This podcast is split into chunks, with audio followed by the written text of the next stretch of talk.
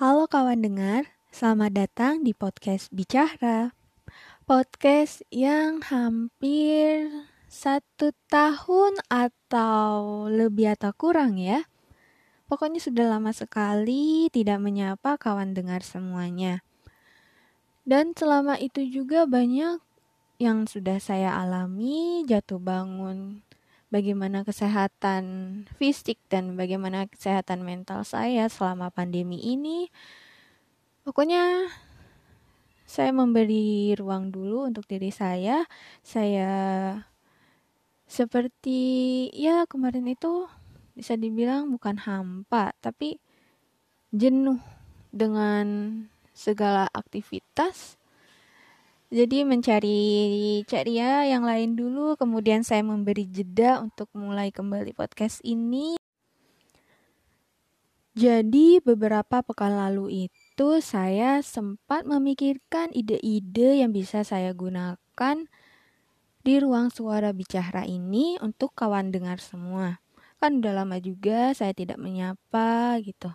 Pertama itu dulu SMP ya anak kecil gitu. Dari SMP itu suka menulis cerita. Nah, jadi jadi nih ceritanya bukan cerita yang gimana-gimana.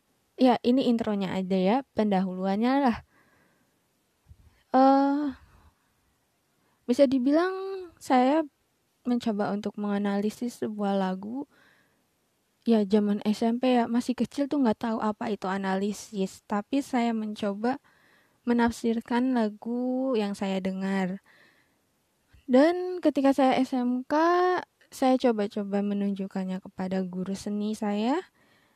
Dan kata bapaknya, saya termasuk hebat bisa mengata-ngatain, bukan mengatain, bisa menyusun kata-kata seperti itu untuk mendeskripsikan lagu yang saya dengar. Tidak semata-mata saya membacakan tulisan yang dulu saya buat ketika SMP nanti saya rangkai lagi pokoknya itu adalah gambaran yang pertama yang kedua itu saya mencoba dua atau tiga pekan yang lalu itu saya sempat membereskan lemari buku yang ternyata sudah tidak muat di lemarinya. Jadi saya memasukkan beberapa buku itu ke box. Nanti saya sampaikan beberapa rekomendasi buku yang saya baca. Tapi jangan berharap ada banyak buku tentang romansa-romansa percintaan gitu ya. Mohon maaf karena saya lebih tertarik pada cerita detektif. Ada sih beberapa yang romansa, ada terutama itu adalah buku-buku untuk tugas saya selama kuliah.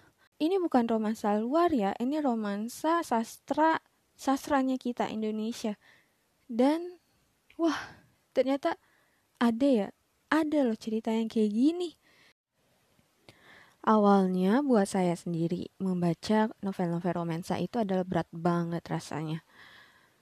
Tapi lama kelamaan saya terbiasa dan mungkin karena tuntutan untuk menyelesaikan tugas jadi saya bisa menikmati untuk membaca novel romansa Nah, selain dari novel-novel, saya juga akan merekomendasikan kepada kawan dengar dengan beberapa komik-komik. Ya, itu bukan hanya komik dari Indonesia saja, tetapi ada juga komik dari luar.